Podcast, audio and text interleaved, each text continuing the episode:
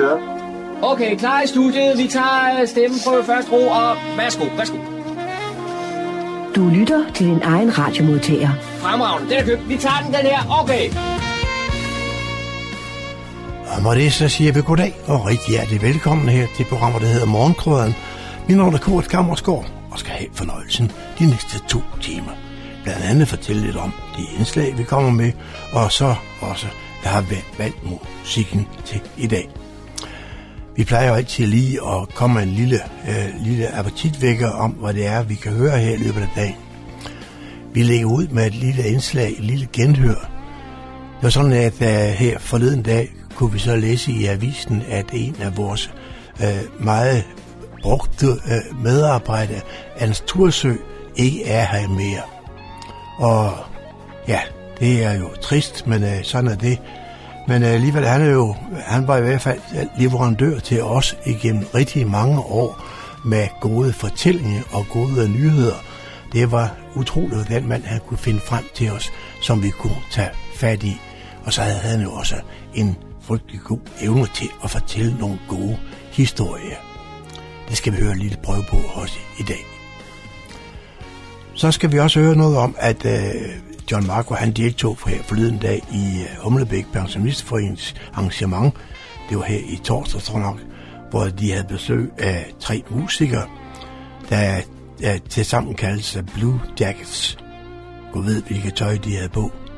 Nå, det er en anden. Det hører vi sikkert noget mere om, når vi kommer lidt længere ind, fordi vi skal høre lige en optagelse nede fra, også med lidt musik nede fra, hvad hedder det, Hummelbæk Pensionistforening. Det foregik ned i dagcenter. Det er en gigabog, på, og det skal vi have prøve på. Så er det sådan, at uh, Hummelbæk Kunstforening, de fylder 40 år i år. Og ja, det, tiden går hurtigt, ikke også? Og i den forbindelse, der har John Markus så talt med, uh, med uh, Erik Nielsen, uh, og der fortæller noget om, uh, kan man sige, tilblivelsen af foreningen, og hvordan det, det var at være med, og i det hele taget. Så det er et længere indslag, som vi også skal høre her i løbet af formiddagen. Så har han sammen også været, John Marco også været til en afskedsreception for Mette Vinding Top, øh, som øh, nede hos øh, Kokkedal på vej, det var her i tirsdags, hende skulle de nemlig tage afsked med, så øh, der skal vi lige høre lidt en par klip af nogle af de taler, der var dernede. Så det er lidt af om, og, om overskrifterne, så det er det, jeg vil sige, her i løbet af formiddagen. Så rigtig god fornøjelse de næste to timer.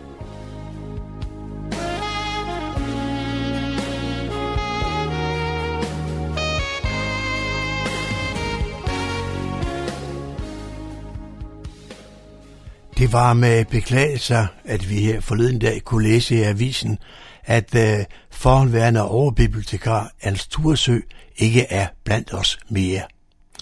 Hans Tursø har vi trukket rigtig meget på, rigtig gennem mange år. Han har også på et tidspunkt haft sin faste indslag her i øh, morgenkrøden for rigtig mange år siden, og rigtig god til at fortælle historie, og lidt om egen, CD's, meget om historie her fra Fredensborg området. Råd. Det har vi haft stor glæde af. Øh, jeg synes lige, vi skal alligevel høre en af hans også lidt mere humoristiske historie. Den har vi fundet frem her, så den får vi. Den ligger helt tilbage. Jeg tror endda, den er ja, tilbage til uh, omkring øh, 2003. Så nogle år har den jo så trods alt på banen. Så lad os genhøre Ernst Turesø. Er være hans minde. Ved Holbæk ligger der et meget spændende frilandsmuseum, der hedder Nyvang. Det er først og fremmest øh, bygninger fra andels- og husmandsbevægelsens tid. Øh, her er der en rigtig gammeldags brugsforening. Her er der øh, et øh, hus, hvor man bemander øh, øh, huset med frivillige, der sidder og væver, knibler og drejer træ. Og der er også et husmandssted, og der bliver man budt på rigtig kaffe med riks. En gang imellem ved festlige lejligheder sidder der i spisestuen en mand. Han er tidligere mejerist og hedder Bent Christiansen. Og han læser nogle af sine egne historier højt for det publikum, der kommer. Her er en af dem. Den hedder Juleferie hos Rasmus og Anders. Godt gemt bag de brune bakker lå det lille husmandssted. Her boede søskendeparet Anders og Rasmus. De havde arvet husmandsstedet efter deres forældre, der var døde for mange år siden. Hvert år, når det var ved at være jul, gik der ligesom panik i dem begge to. Det var ikke ænderne eller gæsene, ja ikke engang juletræet, der kunne bringe de to ungkale ud af fatning. Nej, hver år, midt i december, skrev deres eneste søster, at nu kom hun på besøg et par dage sammen med sin mand. Hun havde ellers gjort et godt parti. Hun boede i en stor villa i storbyen sammen med sin mand, der var redaktør på et af byens store aviser. Men hvert år til jul kom de et par dage og besøgte det lille husmandssted. Anders og Rasmus så hen til det med glæde, men samtidig også med en vis frygt, for søsteren havde en vis evne til at blande sig i alt. Efter hendes mening overholdt hendes to brødre ikke de rigtige rengøringsnormer, så hun tog ofte fat med kost og spand rundt omkring i køkken og stuer. Så når de to tog hjem igen, skinnede det lille husmandsted af renlighed og brun sæbe. I år skulle det være anderledes, sagde Anders og Rasmus, så de havde i hele december måned ikke lavet andet end vasket og skue og skrubbet. Så det hele skinnede rent og indbydende. Vi vil lave noget sjovt med dem, så vi rigtig kan komme i stemning, sagde de til hinanden, mens de hæv potten ud under sengen. Potten blev skrubbet og skuret, og bagefter sænket ned i grukedlen i noget spilkogende vand, og derefter igen tørret af med et rent viskestykke. Nu er potten så ren, at vi kan drikke af den, sagde de til hinanden. Det var ved at være aften og næsten mørkt, inden søsteren og hendes mand indfandt sig. Anders og Rasmus serverede lidt kaffe med hjemmebagte boller. Derefter blev gæsterne anvist gæsteværelse med petroleumslampen og kommoden. Potten stod strålende blank under sengen. Lige inden gæsterne var ankommet, havde Anders og Rasmus hældt en øl, endda en tubor i potten. De glædede sig til at se søsterens forarvede ansigt, når hun opdagede det gule stas i bunden af potten.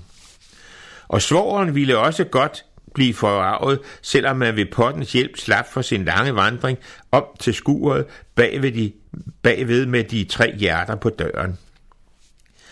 Anders og Rasmus sad i statsstuen og ventede. Tiden blev lang, for ventetid er længere end al anden tid. Men endelig kunne de høre søsteren og hendes mand komme ned ad trappen. Nej, hvor de glædede sig. Og ganske rigtigt, soveren kom med potten i strakt arm ud fra sig, og søsteren lignede en tordensky.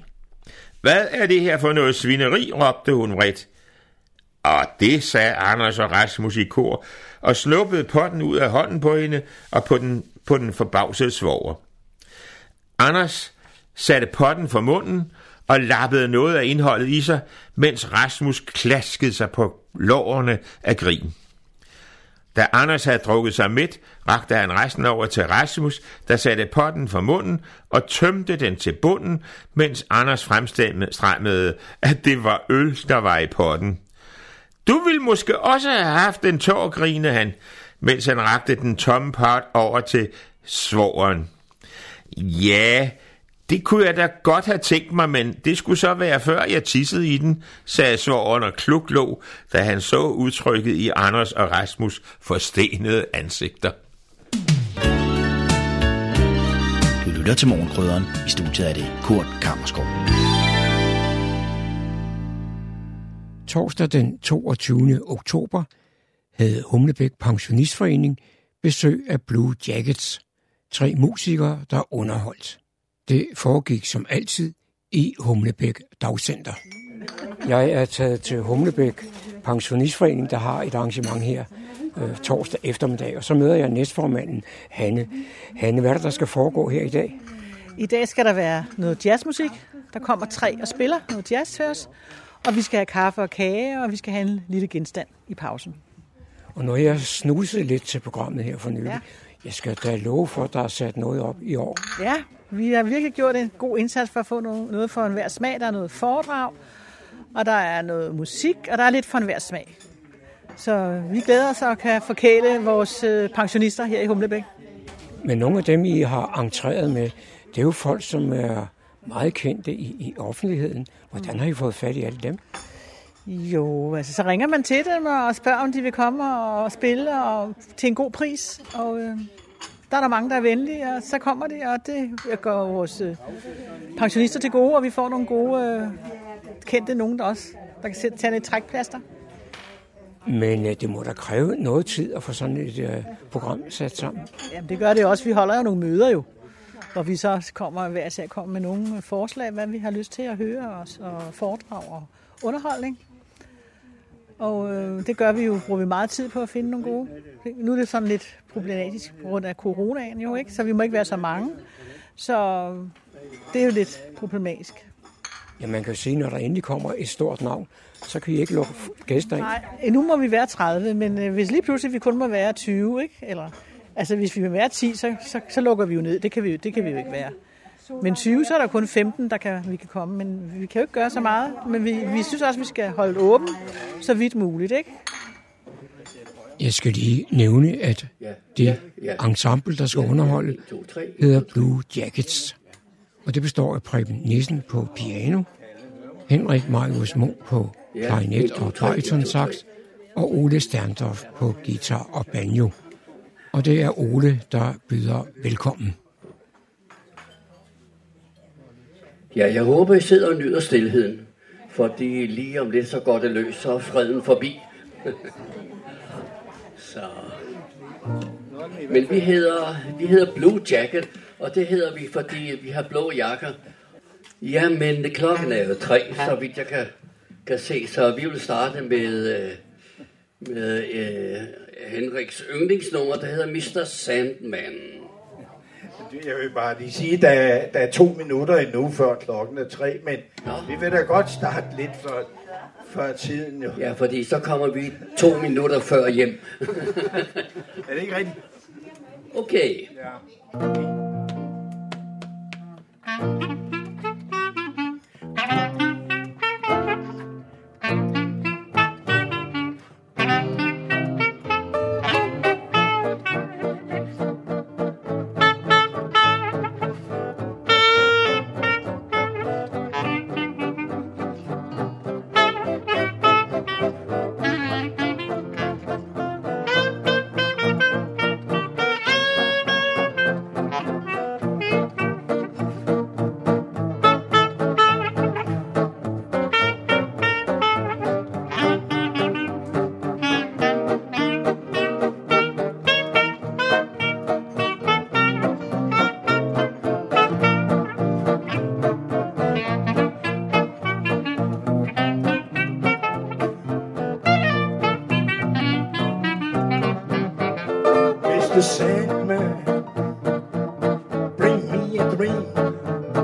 Make her complexions like peaches and cream. Give her two lips like roses and clover.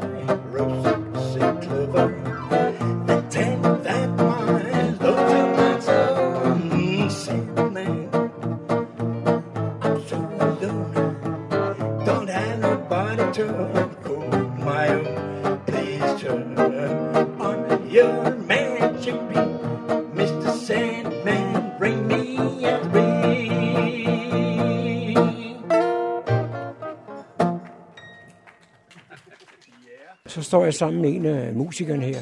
Nu var der en lille pause, nemlig øh, Henrik Marius Munk. Og øh, Henrik, det går jo sådan set meget godt. Tak, tak skal du have. Det er man jo glad for at høre. At øh, du måske synes om det, vi laver. Ja. Nu er det jo ikke nogen hemmeligheder, I, I gutter her. I er jo garvede musikere. Øh, Hvor længe har I egentlig spillet sammen? ja, lige i den sammenhæng her har vi vel spillet sammen i en øh, omkring to-tre år. Ja, sådan er det. Men i mange andre sammenhæng har vi alle tre spillet, og vi har også mødt hinanden igennem tiden, måske igennem de sidste 30 år. Det har vi da. I en andre sammenhæng, ja. Og nu i år har der ikke været så meget at lave for, for musikere. Det må man nok sige. Der er slået streg over temmelig mange jobs, der har været i bogen. Ja, de første 30 er der forsvundet i hvert fald, og, og måske andre 20-30 stykker er slet ikke kommet på grund af, af coronaen, som vi jo har hørt en hel del om. Og den florerer jo stadigvæk, og nu tager den jo fart igen, desværre. Her, her i eftermiddag, der spiller du sammen med, med Ole og, og, og Preben. Hvor kender vi dig ellers fra? Ja, du kender mig øh, muligvis øh, fra øh, Hotspot Banana Band, som jeg sådan skravede sammen for et par 20 år siden, og, eller lad os nu hellere være ærlige, det er mere end 25 år siden, det er det jo. Og, øh, og vi spiller der lidt stadigvæk rundt omkring i, i den udstrækning, der nu er folk, der vil høre os. Mm, men igen, på grund af coronaen, så er der mange jobs, der er forsvundet. Mm-hmm.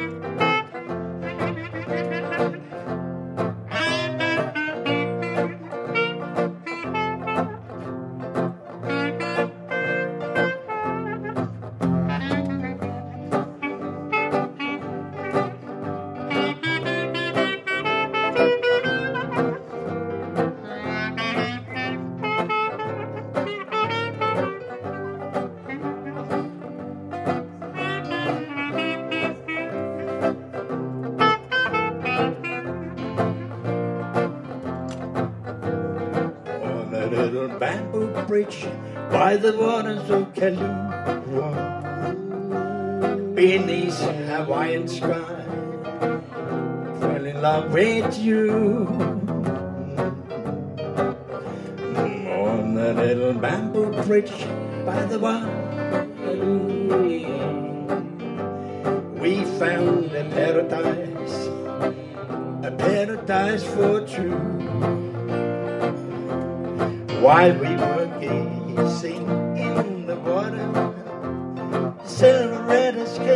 shore, and your reflections in the water seem to say you'll be mine forevermore.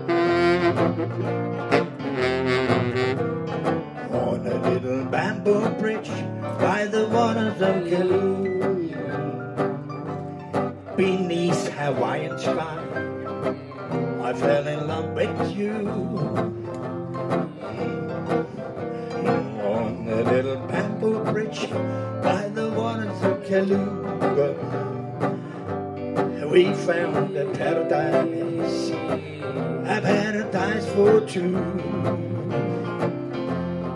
While we were gazing in the water, and sketched the shore, and your reflections in the water seem to say you'll be mine forevermore. Yes, on the little bamboo bridge by the water Kahlua, we found a paradise, a paradise for two. Ra ba da ba ba Oh, yeah. Vi er ved at nå afslutningen på denne skønne eftermiddag sammen med Blue Jackets i Humlebæk Pensionistklub.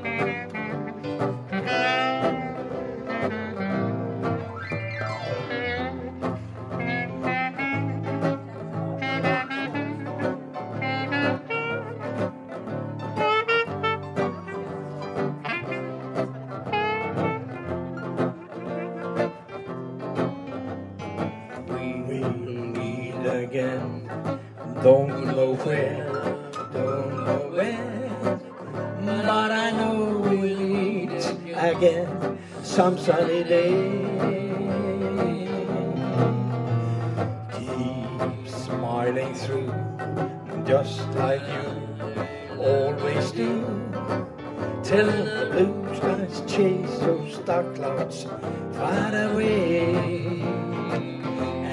And I will just say hello to the folks that you know. Tell them you won't be long. They'd be happy to know that as I saw you go, you will sing a song.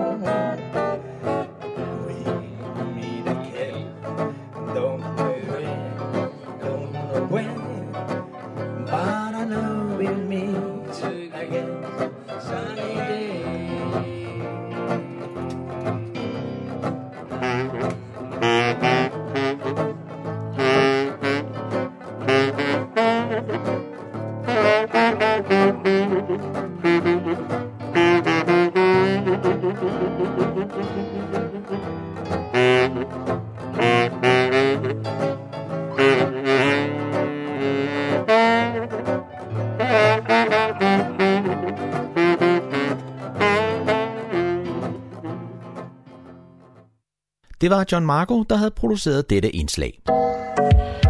Du lytter til morgenkrydderen. Jeg er taget til Humlebæk og er gået indenfor hos Erik Nielsen. Erik, hvem er du? Ja, jeg er jo efterhånden en gammel knark. Jeg er ikke født i Humlebæk. Jeg er fra Nykøbing Falster og blev i 1957 headhunted af Ole V. Nielsen, der har bygget det halve af Humlebæk. Der blev jeg ansat i hans firma som konduktør og var med til at bygge alle husene langs Strandvejen på vestsiden af Strandvejen. Og øh, jeg fik jo en lynhurtig tilknytning til Humlebæk. Jeg havde min onkel og tante boede her. Min tante var efterhånden enke, men øh, hun så meget godt imod mig, da jeg kom til Humlebæk. Og hun øh, fortalte mig om alle originalerne og alle ting i Humlebæk, så jeg blev rigtig sat ind i det. Så jeg kom til at holde meget af Humlebæk, og øh, i 1900, hvornår var det? Det var i 1963, der købte jeg mit hus, Karlshøj, på, på den gang på Torbenvejen. Nu hedder det Boserupvej. Og i det hus, der har jeg så boet lige siden. Og mine børn er født her, og mit liv er her. Du kom lidt hurtigt igennem det, synes jeg. Øh, hvilken uddannelse har du egentlig? Ja, jeg startede med at være murer. Jeg er murersvend fra Nykøbing Falster. Og så, øh, da jeg øh, havde øh, overstået min militærtjeneste, så fik man et højskoleophold gratis. Og det benyttede jeg mig af. Så jeg kom på Haslev Håndværkerhøjskole. Og der øh, sprang jeg det første semester over, fordi jeg nu havde min tekniske skole og, øh, og realeksamen, og, og, og så, så havde man ikke noget at gå på den der aspirantklasse. Så jeg røg lige ind på anden klasse og klarede bygmesteruddannelsen på to vintersemestre. Og øh, Ole V., bygmesteren her i Humlebæk, han var medlem af bestyrelsen i Haslev, og han fik bladet dernede fra, hvor der stod, hvem der var demitteret, og det så jeg senere, at bladet lå på hans skrivebord, og der var jeg skrevet øh, streget under. Øh, han ringede så til mig og spurgte, om jeg havde lyst til at komme til Humlebæk og være ansat hos ham som konduktør i hans entreprenørfirma. Og det havde jeg. Øh, så kom jeg til Humlebæk. Øh, jeg kan huske, vi kørte op af den nye motorvej. Øh, og, og, og jeg anede intet. Vi havde ikke, han havde bare hentet mig i Nykøbing. Og jeg vidste ikke, hvor jeg skulle bo, og jeg vidste ikke, hvad jeg skulle lave, og jeg vidste ikke, hvad jeg skulle have i løn eller noget. Og pludselig så var vi i Humlebæk, og så var jeg med i hans firma. Og vi byggede jo så mange af husene her i Humlebæk. Øh, på et tidspunkt så gik det op for mig, at jeg godt ville lidt mere. Så jeg begyndte på teknikum i København og blev teknikumingeniør. Og så øh, ringede Ole øh, V. Nielsen til mig igen, så siger han, Nå, men øh, nu er du så færdig og skal være ingeniør, så kommer du vel tilbage. Nej, det havde jeg ikke tænkt mig. Så jeg skal da ud og, og se verden. Ja, nu har jeg lavet stillingen stå åben, mens du læste. Du har værsgo at komme tilbage. Og så kom jeg tilbage og var i, oven i det. Jeg har faktisk været i alt 10 år hos Ole V. Nielsen. Og det var en meget, meget spændende tid. Og en meget lærerig tid. Måske skulle vi afsløre, hvorfor du og jeg sidder over for hinanden i dag. Det gør vi jo egentlig, fordi Humlebæk Kunstforening netop i år øh, fylder 40 år. Kan du fortælle mig lidt om øh, foreningens historie? Ja, det kan jeg. Der var jo nogle damer, der malede sammen. Blandt andet Ellen Lassen og fru Kai Nielsen og Goga Brandt og Nina Henningsen og øh, hvad hedder hun, Bente Ørbæk. Øh, de tog ud og malede sammen. Blandt andet kan jeg huske, de var på Ven. Jeg var ikke involveret på det tidspunkt, men blev det meget hurtigt, fordi Ellen Lassen var en meget nær, sød veninde. Så jeg kom ligesom ind i kredsen der.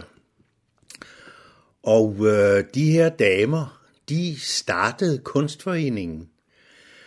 Og de første udstillinger, det, det var jo meget spændende. De, de gjorde meget ud af det. De gik meget op i det. Jeg var ikke med helt fra starten, men blev så involveret i det siden. Øh, jeg, øh, Bente Ørbæk, var formand, og der var jeg med i bestyrelsen. Og så øh, blev Arne Gunner formand, og der var jeg næstformand. Og da han holdt op, så blev jeg formand. Og det var jeg så i 16 år. Og det blev selvfølgelig et af mine hjerte, det blev et hjertebarn for mig. Kunstforeningen for Humlebæk og omegn, som det hed, fordi øh, vi tog øh, også udstillere, når vi havde udstilling fra omegnen. Det var et lidt besværligt navn, nu hedder det bare øh, Humlebæk Kunstforening. Det er jo noget nemmere i hvert fald. Men øh, øh, da, da jeg så trådte til, så havde vi skiftende bestyrelsesmedlemmer, og de har altid været meget lojale, Og jeg prøvede at styre det så godt jeg kunne. Og øh, vi havde mange arrangementer. Øh, vi startede i øh, nede på Humlebæk skole i deres øh, kælder og deres gymnastiksal med udstillinger. Og det, det, det, var, det var meget spændende. Men øh, jeg må nok sige, det var sådan lidt øh, aftenskolekunst. Det har jo bedret sig hen ad vejen, skal jeg love for. Så fik vi biblioteket til udstillingslokale. Og det var jo en, noget helt, helt andet. Øh, det var meget, meget øh, værdsat af kunstnere, vi havde til at udstille. De roste altid foreningen for det dejlige lokale og den store hjælp, de havde med deres udstillinger. Vi stillede altid med en 3-4 mand, der hjalp med ophængning. Og øh, i det hele taget, og vi holdt altid nogle flotte ferniseringer, hvor folk de øh, fik lidt til ganen, og så den store kunst at se. Vi har haft virkelig mange fine udstillere, mange kendte kunstnere, og øh, det, det har vi selvfølgelig haft meget glæde af. Måske skulle du prøve at forklare os, hvorfor en kunstforening, og hvad foreningens øh, formål egentlig var, da man startede? Det var selvfølgelig at bringe noget kultur ud til, øh, til folk. Og øh, de modtog det meget, meget fint, modtog vores udstillinger meget fint. Og øh, som jeg sagde før, havde vi en masse på det tidspunkt øh, meget store kunstnere. Vi har haft Herup, og vi har haft øh, Sigurd Svane, og øh, vi har haft øh, Morten Nielsen, der, og det resulterede jo, Morten Nielsens udstilling, den resulterede i skulpturen nede ved stationen, øh, den som øh, vi kalder øh, for svensknøglen, øh, den står der.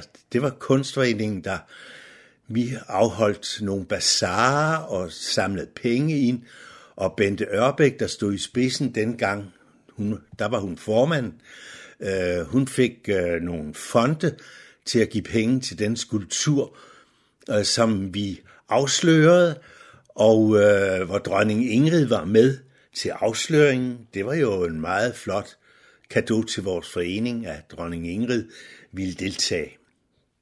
Det satte vi stor pris på, og hele byen øh, var selvfølgelig mødt op for at se det. Men, men ud over disse kendte kunstnere, så øh, udstillinger, så udstiller foreningens medlemmer også deres værker? Øh, det gør foreningens medlemmer, ja, øh, mere og mere måske. Jeg der, må, må dertil sige, foreningens bestyrelse udstiller ikke. Netop for at, at, at, at, ligesom at holde fri for konkurrence, og, og det er bestyrelsen er nærmest. Så det er altid fremmed. Bestyrelsen kan være med til efterårsudstillingen, hvor man køber sig en plads. Og øh, der, der er selvfølgelig bestyrelsesmedlemmer, der udstiller der, men øh, specielt udstiller foreningens øh, bestyrelse ikke kunst. Det er, det er fremmede kunstnere, som vi kontakter, der møder op, og der er lokale kunstnere, og der er øh, udenfor, øh, udenbys kunstnere, der udstiller. Og så har vi jo altid en, der holder åbningstalen. Og øh, det, det er jo også mange forskellige, øh, som vi får til det, og det er jo spændende. Der har vi jo vores øh, super udstillingsåbner jo Ulla Hardy Hansen, der altid er meget, meget velforberedt og holder nogle fine åbningstaler. Og så har præsterne holdt, og så har formanden for kulturudvalget, alle de der, og jeg har for også holdt, da jeg var holdt op med at være formand, så spurgte de, om jeg ikke kunne lave en åbningstale, og det gjorde jeg så. Du fortalte, at du har været formand fra 1990 til 2006, altså i alt 16 år. Der har jo ikke været særlig mange formænd i den periode, foreningen har eksisteret, men, men du er den, der har været der længst. Ja, det, det, det er jeg. Jeg var der i en meget lang periode, men øh, øh, da det var mit hjertebarn, gik jeg også op i at, at køre foreningen godt. Vi havde jo, og har stadigvæk, Udover ferniseringerne, så har vi jo nogle udflugter, øh, og de er gået rundt her i Nordsjælland, og vi har været i Sverige og se på kunst, og vi har været i Forborg på Kunstmuseet og se der. Og øh, udover dem, så har vi jo nogle arrangementer, hvor vi har kunstnere til at holde foredrag og og nogle gange vise lysbilleder og nogle meget interessante ting. Og så har vi vores fødselsdagsfest en gang om året, hvor vi i starten, der, der, øh, der, øh, der fik vi lavkager, nogle kæmpe lavkager, nede fra bageren, som, og så drak vi kaffe og spiste lavkage, og så var der underholdning. Og øh, der var nogle syngedamer, fra Niveau, og der var øh, Musikdramatisk Forening fra Birkerød, og der var øh, Paul Danø og Lasse Hergut, øh, der, der sang med viser, og der, der var mange arrangementer. Og folk har altid været meget glade, fordi udover at være en kunstforening, hvor vi viser folk noget god kunst, de kan glæde sig over, øh, så er det også en social forening, hvor folk de mødes. Nu er det jo et, skal vi sige, et moden publikum, vi har. Desværre er det lidt svært at få fat i ungdommen. De har så travlt med deres nye huse og deres børn, og jeg ved ikke alt det, de skal. Men øh, det at mødes socialt til vores arrangementer og få snakket øh, og, og talt sammen og hygget os, jeg tror, at, at, at det er en meget stor positiv ting i kunstforeningen. Du var lidt inde på, at mange af medlemmerne er lidt oppe i årene. Det vil sige, at de har været med rigtig længe. Hvordan er det med, med nyt blod i foreningen? Øh, der kommer noget nyt blod til. Desværre ikke helt unge mennesker, de har ikke tid. Men øh, der kommer nogle ægtepar, der finder ud af, at det sociale samvær øh, betyder meget i vores forening. Øh, der, der er mange, der var faktisk var med i starten, som stadigvæk kommer der. Og det er, er vi jo glade for, og, og vi mærker, at de er glade for at komme.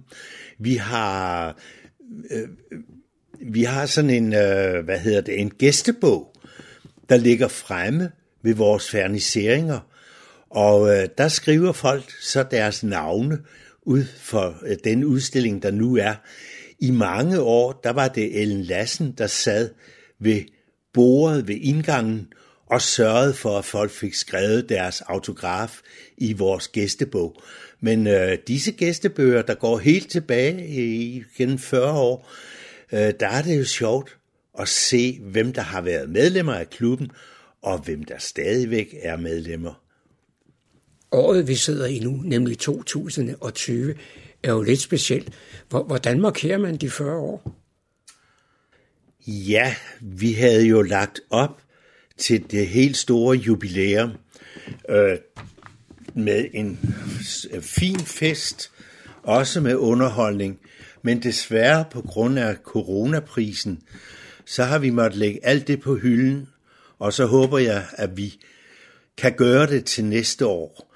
Øh, foreningen har udsendt et øh, jubilæumsskrift, meget, meget flot, og det er Torben Valers, der står for det, med en masse billeder fra foreningens virke gennem årene og den nutidige, og, og blandt andet er der i, øh, på, øh, i, i bagenden af dette øh, skrift, der er alle sommerudflugterne som foreningen har, øh, som har foretaget. Og det er jo meget skægt at se tilbage og, og, og mindes alle de her fantastiske udflugter, vi har haft. Vi har været fantastisk mange steder. Som tidligere nævnt, så består foreningen jo af en hel del halvgamle eller helgamle medlemmer. Hvordan ser du foreningens fremtid?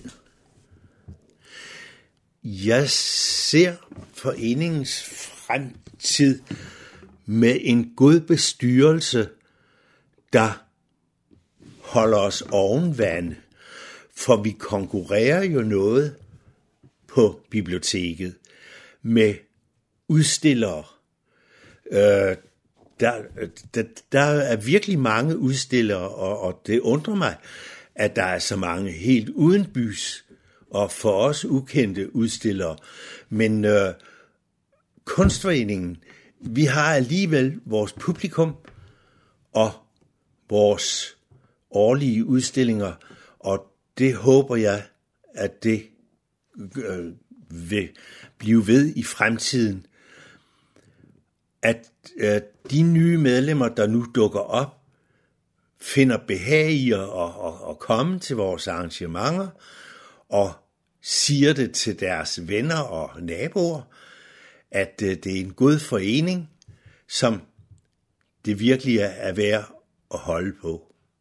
Mange af, af foreningens medlemmer er jo selv udøvende kunstnere. Er det et krav for, for at være med? Nej, det er det overhovedet ikke. Det er det overhovedet ikke. Og til vores efterårsudstilling, hvor øh, øh, godt og vel 20 kunstnere øh, kan udstille, så køber man en, øh, et, et, et, et bevis, og så kan man udstille. Og det er alle mulige mennesker. Man har ikke nødt at være kunstner, og man har ikke engang nødt at være medlem af foreningen. Der, der, der, og, og, og det er en usensureret udstilling. Altså alt bliver hængt op, og som jeg sagde i starten af interviewet her, da vi startede på Humlebæk skole, der var der meget øh, aftenskolekunst, opstillinger med æbler og ølflasker og jeg ved ikke hvad. Øh, det er jo, må, må man nok sige, blevet meget, meget bedre. Folk, de øh, har selvkritik, og de udstiller det bedste, de frembringer, til stor glæde for dem, der skal se på det. På et tidspunkt, der fortæller du, at du er god til at tegne. Det var en af grundene til, at du, du fik den uddannelse, du, du, du har taget. Ja. Hvad, hvad slags kunst frembringer du selv? Og ja, altså da jeg startede i kunstforeningen, sammen med Ellen Lassen og Bente Ørbæk, der, der malede jeg oliemaling. Og øh, så hvis du kigger der rundt i mine stuer, så, så hænger der øh, masser af mine egne billeder.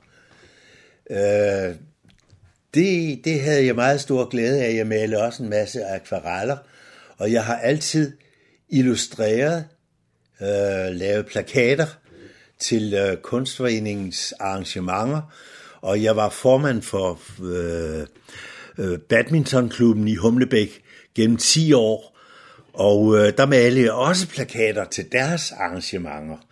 Så øh, jeg har altid været helt vild med at, at udtrykke mig, øh, skal vi sige, øh, jeg, jeg, jeg udtrykker mig på den måde, at jeg, det glæder mig, når folk kan lide det, jeg laver. Og øh, så, så derfor så bliver jeg ved. Og øh, ja, øh, så, så på et tidspunkt, så gik jeg til keramik. Jeg startede hos Herford. Og øh, der, der så, så begyndte jeg at lave keramiske ting. Og det øh, øh overtog næsten oliemaleriet. Så gik jeg videre hos øh, Vibeke Fischer, og da hun holdt op, så startede den gruppe, der gik til øh, keramikkusine, de, de startede en, øh, hvad, hvad hedder så noget, øh, hvor, det, vores, egen, vores eget hold. Og der har jeg så lavet keramik siden, og det var øh, en stor, altså det var stor succes, folk de var meget glade for det keramik, jeg lavede. Og da kunstforeningen var med i Berleburg her for et par år siden, øh, der, der, der kom de alle sammen, øh, øh, dem der skulle udstille dernede, så siger de, Erik, kunne du ikke tage med? Det er kun malerier, vi har med. Vi vil også godt have noget keramik. Så sagde jeg, ah, jeg ved snart ikke, men øh, jo, okay. Så tog jeg med med noget keramik og udstillede der. Og det blev også en stor succes. Blandt andet så øh, kom prinsesse Benedikte, og så sagde hun, ja, hun lavede også keramik, da hun var yngre. Så hun var meget interesseret i, hvor, hvor, hvordan jeg havde gjort sådan og sådan og sådan. Så det var jo, det var jo en stor gave. Så, men øh, desværre, øh, nu er jeg jo sådan efterhånden lidt oppe i alderen, så øh, aftager, skal man sige, den store interesse, eller jeg, jeg er måske lidt for træt, øh, er lidt udbrændt, men øh, er jo stadigvæk øh, på duberne, når der skal laves noget. Mange foreninger, det vil altså viseforeninger eller spejdergrupper og sådan noget, de har jo et samarbejde på tværs med andre foreninger. Hvordan er det med kunstforeningen?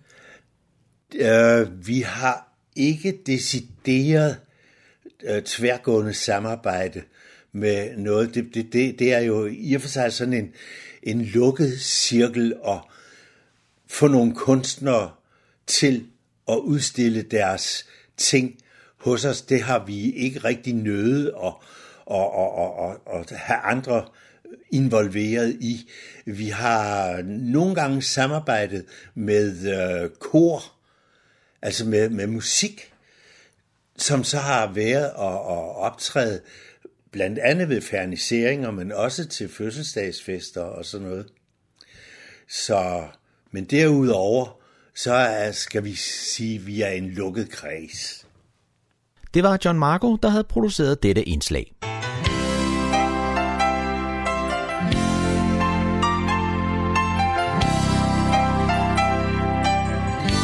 Du lytter til din egen radiomodtager.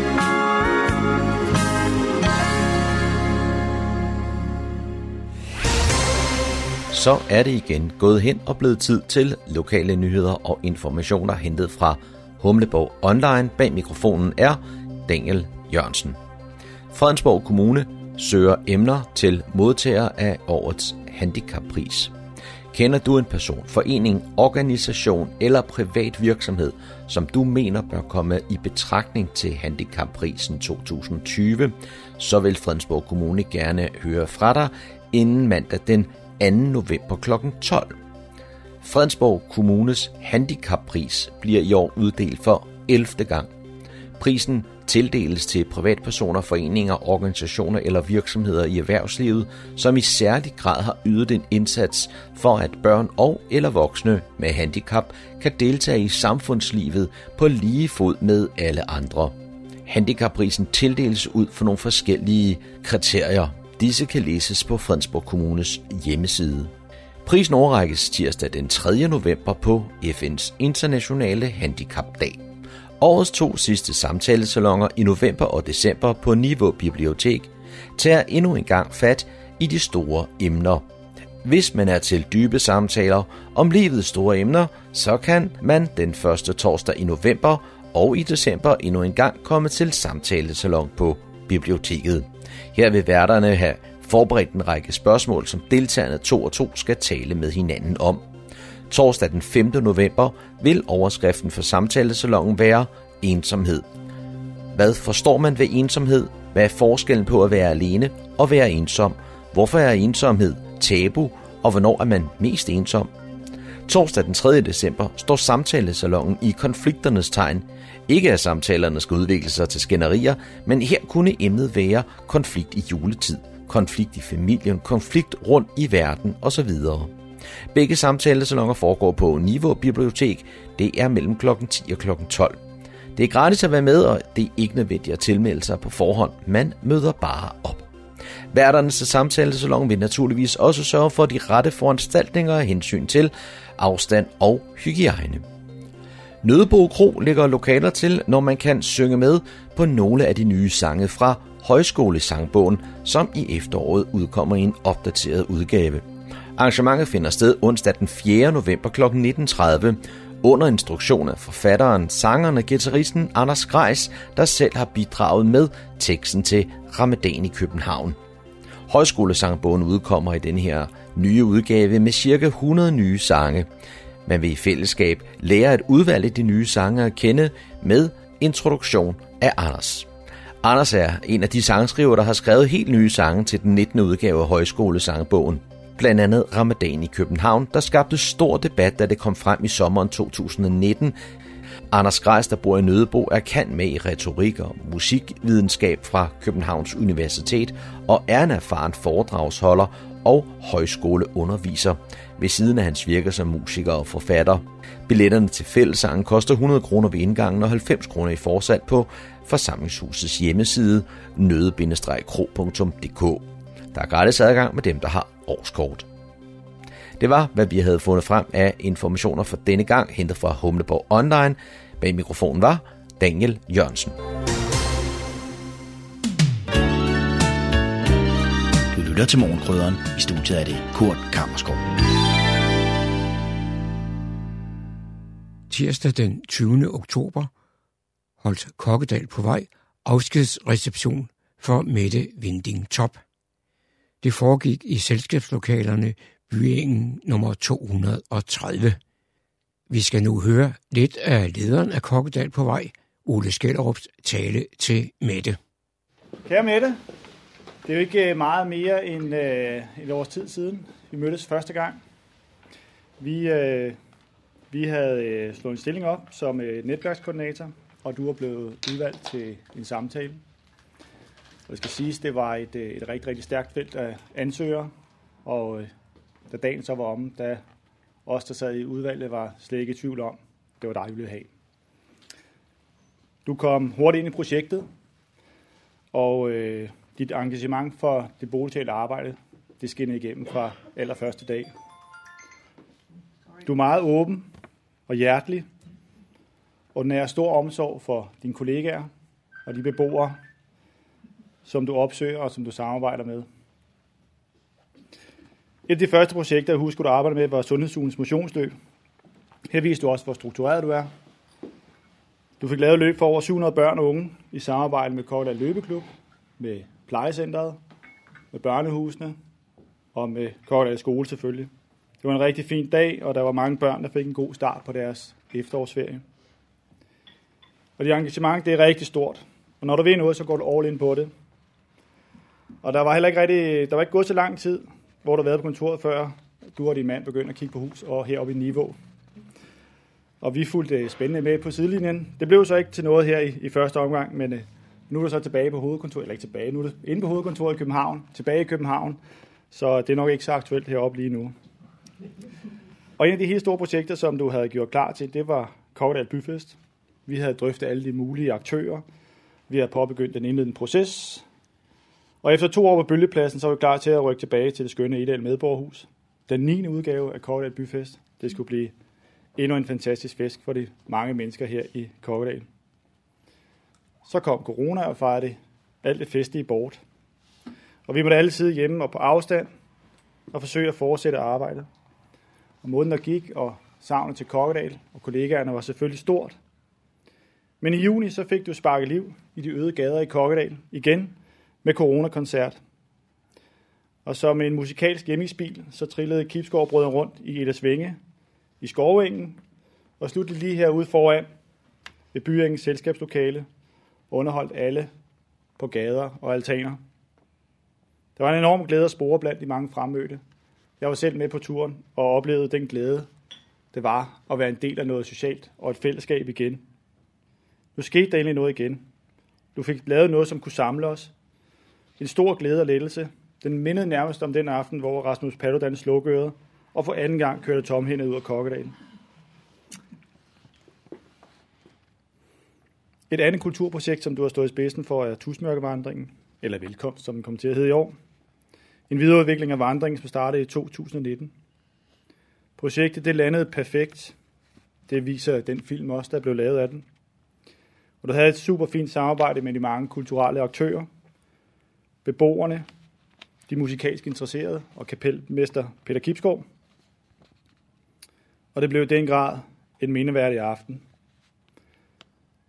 Og i den kommende helhedsplan, der er vi jo desværre blevet høvlet godt og grundigt. Og så typisk er det altid nemt at skralde kulturprojekter af, når krisen krasser. Men tusmørkevandringen er blevet så godt et projekt, at det er noget, som jeg vil kæmpe for at beholde. Du arbejder meget struktureret og med et meget, meget stort overblik. Nu er jeg selv stor fan af Excel, så jeg blev rigtig glad for din særdeles udførlige overlevering med farvede kolonner og faneblade for hvert projekt. Du følger alle dine projekter til dørs og sikrer, at de store arbejde fortsætter her i Kokkedal på vej. Tusind tak for det. Nu skal du arbejde videre med dine kompetencer, din erfaring ind på hovedkontoret i 3B. Mikkel og Jonas de har fået en meget dygtig, meget engageret, meget intelligent medarbejder i dig. Ærgerligt for os, men stort tillykke til dem. På vegne af mig selv og resten af holdet, Kokkedal på vej, så ønsker vi dig alt muligt held og lykke på denne nye rejse i en branche, som vi ved, du brænder så meget for. Og tusind tak endnu en gang for din store indsats her i Kokkedal. Tak.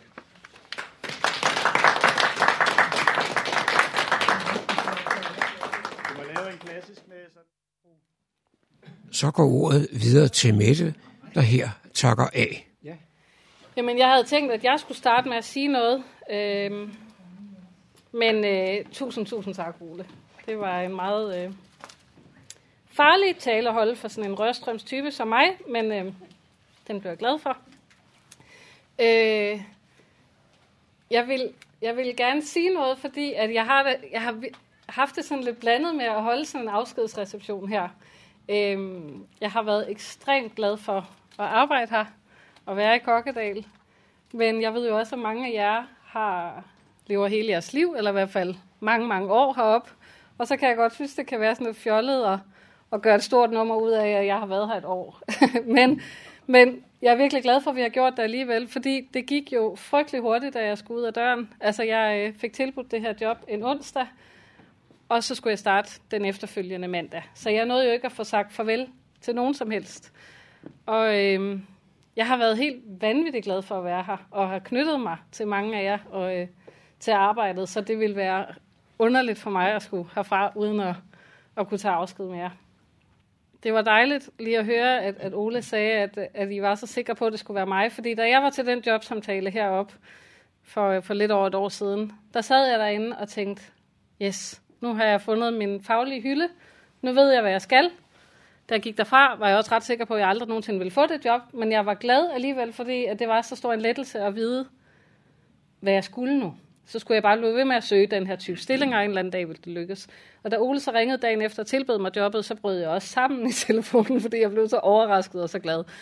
Og jeg har været øh, simpelthen så glad lige siden. Altså jeg har været glad hver dag, jeg skulle hertil, og det har været træls, at corona lige pludselig kom og betød, at jeg ikke kunne være her i en periode, eller vi alle sammen ikke kunne være, og vi ikke kunne være sammen, og vi måtte afslutte gode projekter, vi allerede havde sat i værk. Øh, men, øh, men sådan var det jo. Øhm, det har for mig været ekstremt meningsfyldt, den her måde at arbejde på, og jeg, jeg synes, jeg kan stå på mål for alt det, vi gør, for hvad alle mine dygtige kolleger gør. Øhm, derfor synes jeg også, at det er virkelig, virkelig sørgeligt, at, øh, at det boligsociale om, område er blevet skåret ned, som det ser ud til at blive lige nu. Jeg har gjort alt, hvad jeg overhovedet kan for at, at skabe opmærksomhed om beslutningen og, øh, og få, øh, få politisk opmærksomhed på det. Og der er stadig et, et lille håb om, at, at de her penge måske kommer tilbage, men det er jo, det ser sort ud nu. Øh, og det er jo også en af grundene til, at jeg var nødt til at sige ja, da jeg fik tilbudt et andet job mentalt er jeg ikke færdig med Kokkedal. Men, øh, men ja, sådan er det jo. Man er nødt til at komme videre, når, øh, når min stilling ser ud til at udløbe, som den gør nu. Så jeg rykker ind til Indre København, og kommer derfor geografisk til at være længere væk, men ikke øh, fagligt. Og øh, jeg kommer til at arbejde med nogle af de samme områder stadigvæk, og det glæder jeg mig til. Og så er jeg heller ikke længere væk, end at jeg bestemt regner med at komme rendende, hver gang der er et eller andet spændende projekt heroppe, som øh, efter coronaens klamme hånd øh, forhåbentlig kommer til at være masser af stadigvæk. Så øh, det er på gensyn, og jeg glæder mig til at se jer alle sammen igen. Og øh, ja, tusind tak for alle de flotte gaver. Det øh, havde jeg slet ikke regnet med. Øh, ja, tak fordi I er kommet. Tak for alt det, I har lært mig. Det er noget, jeg kommer til at tage med mig videre i mit arbejde. Ja. Så står jeg sammen med dagens hovedperson, Mette Vinding Top.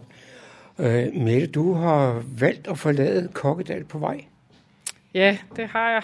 Det er ikke fordi, jeg var træt af Kokkedal på vej overhovedet, men øh, vi står desværre i den ærgerlige situation, hvor det boligsociale område, område er blevet beskåret over hele landet. Og det betyder, at jeg skal, som de fleste andre, indstille mig på, at min stilling udløber lige om lidt.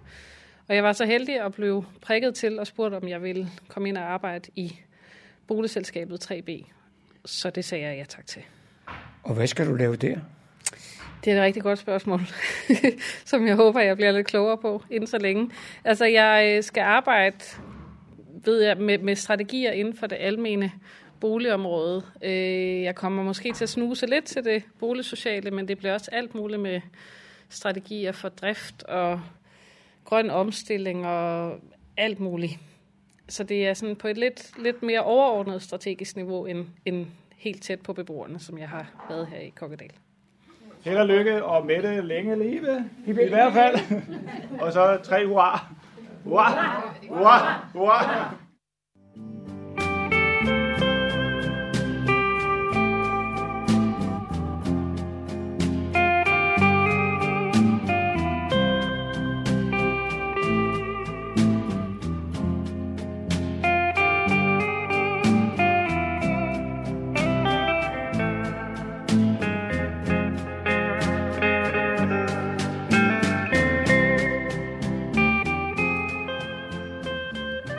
Disse toner fortæller os, at vi er nået til afslutningen på denne uges udgave af programmet, der hedder Morgenkrøden.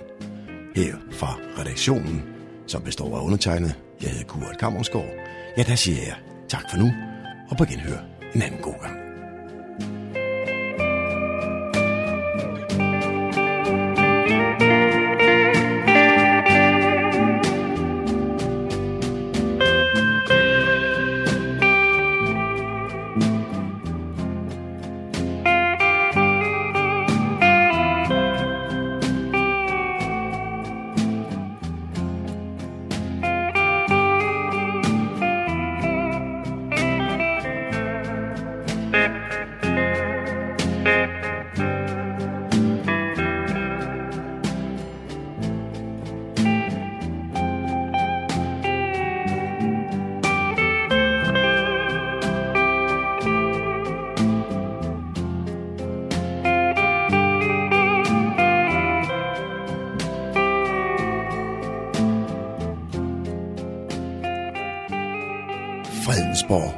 Radio, Radio Humleborg. Nordsjællands mest voksne lokalradio.